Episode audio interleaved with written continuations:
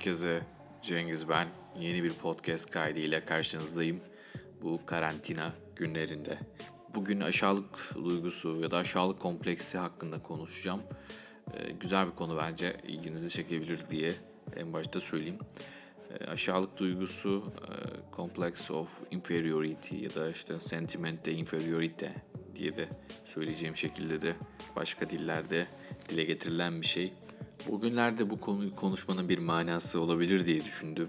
Çünkü küçük bir virüsle, göremediğimiz hatta bir virüsle e, savaşmaya çalışıyoruz. İnsanın ne kadar aciz ve ne kadar cılız bir canlı olduğunu e, belki de bize gösteren bir şey. Yani düşünsenize e, doğada canlı olmayan, sadece canlı bir vücuda girdiğinde canlılık kazanan bir yabancıyla, hani canlı demek bile şey, virüslerini biliriz yani çocukluk yaşından beri e, işte aslında canlı değildir ama canlı vücuduna girince canlanır falan filan.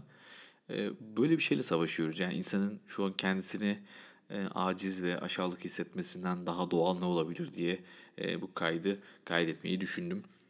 Yine ilk insanda da benzer şeyler var. İlk insanlar evrenin büyüklüğü ve ihtişamı karşısında bir yani dehşete düşüyorlar. Büyük tabii felaketler, e, onlarda güvensizlik, yetersizlik, korku, e, kendisini çıplak hissetme e, ve işte e, bir şekilde bunlarla başa çıkmaya çalışma ama bir yandan da beceriksiz olmak gibi bir takım duygular en sonunda ortaya çıkıyor.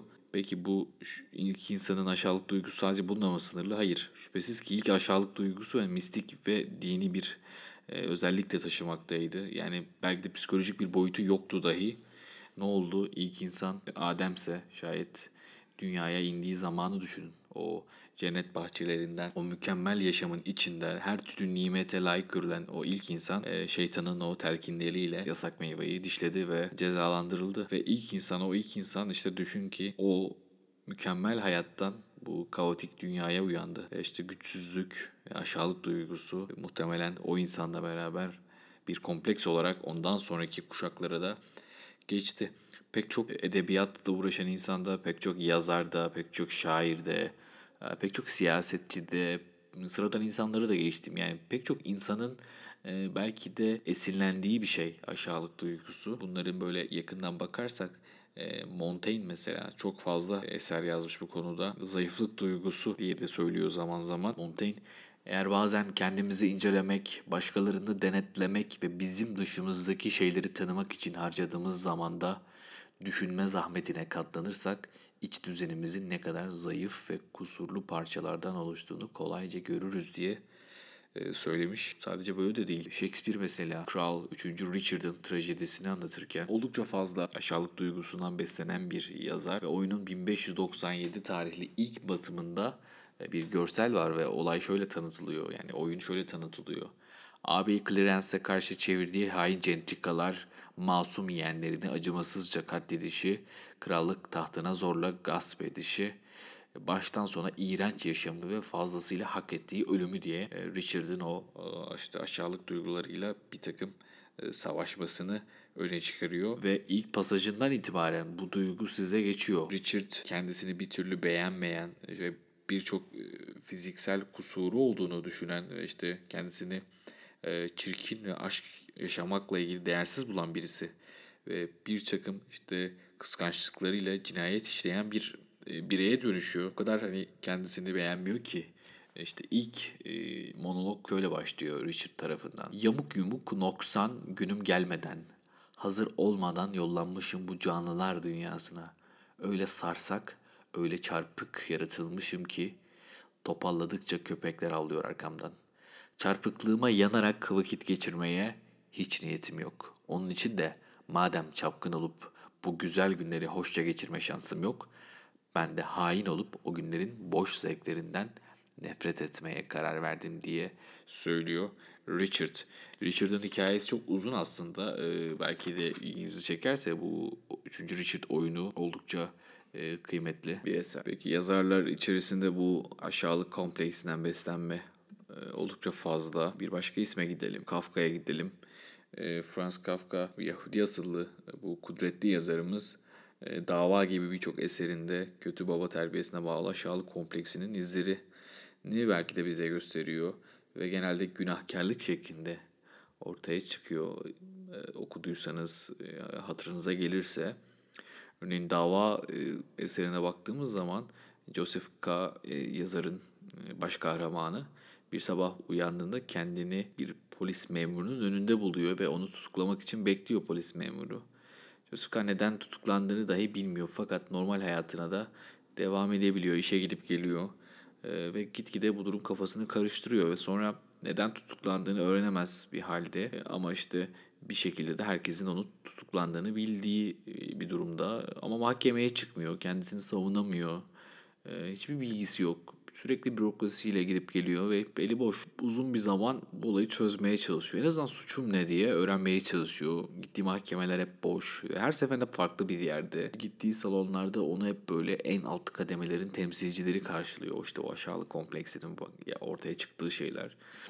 Ve kendisi haricinde herkes onun suçlu olduğunu düşünüyor. Ve herkes ona yukarıdan bakıyor. Yani pek çok insandan yardım almaya çalışıyor.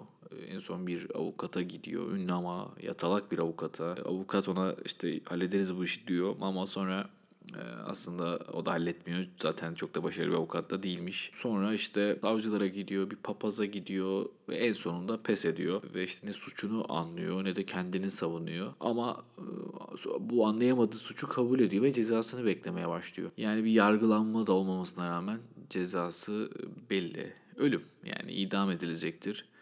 Ee, artık bunu onurlu bir kurtuluş olarak görüyor ve idam gününü bekliyor. Aslında yargılamayı gerektirecek gerçek bir dava yoktur ortada. Joseph zaten bütün hayatı boyunca kendini ölüm cezasına çarptırmıştır. Hayatın içinde tutsak kalarak, küçük dünyasından çıkmayarak zaten bir hapishanededir.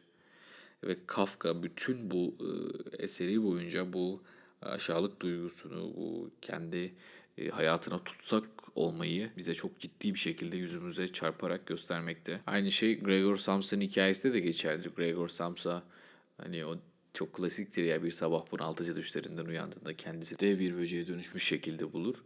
Yine Gregor Samsa'nın o aşağılık hisleri e, bize bütün eseri boyunca oldukça sert bir şekilde nüfuz eder. Peki biraz da psikiyatrist gözüyle bakalım bu meseleye. Jane bir e, ünlü bir e, ruh hekimi, Fransız bir ruh hekimi. Freud'dan önce bilinçaltının ya da bilinç dışının anlamını ve Adler'den önce de insanların çok kez nevrozlu olarak hissettiklerini belirtmiş. E, farklı bir şekilde yaklaşmış meseleye ve oldukça e, sıra dışı bir kavram ortaya atmış psikasteni diye. Aşağılık hissiyle ilgili bir takım e, nasıl diyeyim e, kendi çıkarımlarını bir kavrama çevirmiş e, psikasteniye de şöyle diyebiliriz. Karar verme zorluğu, kuruntu, e, takıntılar, fobiler, kuşku ve verimsiz uğraşlarla kendini gösteren bir nevroz biçimi. Yani bütün bu psikasteniyi e, kendisinden utanma sabit fikri üzerine e, inşa etmiş. Bir psikastenik hastada her yaptığı, her sahip olduğu şeyin ve oluşu kötü olduğu kanısı sabit bir fikir halindedir ve bunun yanında özellikle bu vücudundan, bedeninden utanmanın da çeşitli incelemelerini yapmış Jane, Freud'dan ve Adler'den dahi önce. E, bunu söylememin sebebi hani bu iki isim Freud ve Adler bu konuda çok fazla çalışmış. Aslında esasen de en çok Adler çalışmış. Bir Adler bireysel psikoloji ekolüyle ilgili e, bu çalışmaları yürütmüş. E, neden hani Adler bu konuyu çok çalışmış diye söylerseniz yani şöyle daha doğrusu e, dönüp baktığımızda şöyle düşünebiliriz. Adler işte Viyanalı bir ailenin ikinci çocuğu 1870'te doğuyor kalabalık bir aileye doğuyor. Hani bu bile insanı gerçekten zorlayan bir şey. Ve Adler küçük yaşlarından itibaren Alfred Adler e, işte zatüre, işte raşitizm gibi ciddi hastalıklar geçiriyor. Okul başarısızlığı e, gayet ön planda bir çocuk ve belki de bu aşağılık kompleksini yenmek için çocukken geçirdiği hastalıklar neticesinde ve küçük kardeşinin o yanı başında ölmesinin ardından doktor olmaya karar veriyor ve Viyana Üniversitesi'nden tıp diplomasını alıyor. Ve o kadar çok ihtisas yapıyor ki önce göz, sonra iç hastalıkları ve en sonunda psikiyatri alanı seçiyor. Yani belki de bu tüm yaşantıları e, Adler'i bunları yapmaya e, sevk ediyor. E, ve bu sayede bütün bu işte kendisinin baştan sona kuramlarını oluşturduğu bu bireysel psikoloji ekolünü oluşturmuş oluyor. Hatta yani o kadar buna önem veriyor ki Freudcu ekolden o Freudian şeyden ayrılıp fikir anlaşmazlıkları neticesinde Adleryen ekolü e, kuruyor. Adler'in bütün bu şeyine bakarsak, Adler'in e, kendi anlatılarıyla bakarsak E, Adler yeni doğan döneminden itibaren belki de çocuğun aşağılık hisleriyle karşılaştığını söylüyor. Çünkü çocuk o annenin o karnında, o huzurlu ortamda her türlü o nahoş uyarımdan uzak bir şekilde gayet vejetatif bir hayat yaşayıp e, gıdaları hazırdan gelen o işte ambriyonun 9. ay bitince birdenbire çok kamçılarla dolu, güneşli, sıcak, soyut ve yabancı dünyaya gelmesiyle beraber o aşağılık hislerinin oluştuğunu söylüyor. Gerçekten de e, tamam e, anne baba sana bakacak ama bir yandan birilerine muhtaç olma hissi var. O yüzden Adler der ki doğum travmasından ya da şokundan sonra yeniden bir ana rahmine dönüş özlemi yani bir nirvana kompleksinden bahseder ya da o işte regresyonun içinde doğal bir şekilde insanın hissettiği bir şey olduğuna dair düşünceleri vardır. E, çünkü o işte aşağılık hislerini nasıl ortadan kaldırabiliriz ki başka türlü? Adler hani bütün bu şeyleri e, aşağılık duygusuyla ilgili anlatılarını e, telafi mekanizmalarıyla ortadan kaldırmak için de bir şeyler söylüyor. Nasıl diyelim? mesela işte vücudun fiziki ya da ruhsal kusurlarını organizmanın diğer tarafları telafi etmeye çalışır. özellikle mesela çift olan organlarımızı düşünelim e, onlar sağlam olan heyet bunu telafi etmeye çalışır. Bu biyolojik bir kanun. E, ama mesela kalbi de düşünelim. E, bir deliğinde, kalpte bir delik olduğunda işte kalbin etrafındaki o zarlar, o işte, işte perikard mesela genişlemek genişlemeye çalışır ve böylece telafi etmeye çalışır. Bu organik ve faydalı bir telafidir. Bazen de yani bu mekanizma organizmada zararlı olacak kadar işte fazla olur. Bazı kalp hastalıklarında e, büyüyen organ normal hacmin iki misli olur. Böylece kalp vazifesini gerçekten yapamaz. İşte Adler de buradan biraz da esinleniyor. Bu biyoloji bilgilerinin bu müşa e, işte çıkarımlarından ilham alıyor ve ana rahmin içindeki o hayatın başlangıcından beri yetersiz ve aşağı kaliteli bir organın olgunlaşabileceğini, birçok zayıflığın kuvvete dönebileceklerini örneklerle gösteriyor. Ya yeter ki bu organ kusuru insan ruhuna da aksetsin. Yani onu zedelemek suretiyle e, o içindeki manevi enerjiyi harekete geçirsin. Yani e, bütün bu işte e, mekanizmaları bir şekilde e, böyle ortaya atıyor Adler. Tabii Freud'un da yine birkaç kelamı vardır Adler'in de hocası diyebiliriz. Freud e, çocuk cinsiyetinin sosyal ve normal gelişmesinde çok önemli bir rol oynayan e, Ödipus kompleksinde de esas olarak e, yani bir kudrete ulaşmak, babaya rakip olmak ve nihayet ona benzeyip onun yerine geçmek gibi arzulardan başka bir şey olmadığını ifade etmiştir ve bunun da temelinde işte bu kudret arzusu veya güçlü olmak, bir şey olmak, yapmak, sahip olmak dileği e, hayat alanlarında birçok şekilde kendini gösterir diye söylüyor. Yani bu Freud'un belki de libido teorisi ya da zevk prensibi yani bir savaş dersek buna aslında bu Adler'in bahsettiği savaşa da benziyor işte. Nedir bu? Üstünlük duygusuyla aşağılık duygusunun, aşağılık hissinin bir savaşı. Belki de işte bu yüzden Adler şah insanın şahsiyetinin en ufak incinmesine hemen cevap veren benlik içgüdülerine önem vermiş.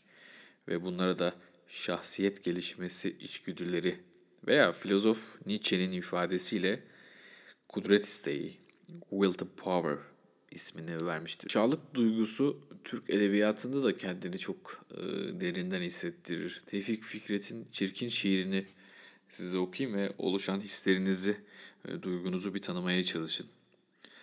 Buruşuk hatları çirkin yüzünün, açılır şüpheli bir saffetle. Gülüyor zannolunurken öyle, bir muhakkar bakışından gözünün. Dicreti ruhu bütün fark olunur.'' Başka hiçbir sebebi zilleti yok. O da herkes gibi lakin menfur. Ah çirkinlik, evet rahatı yok.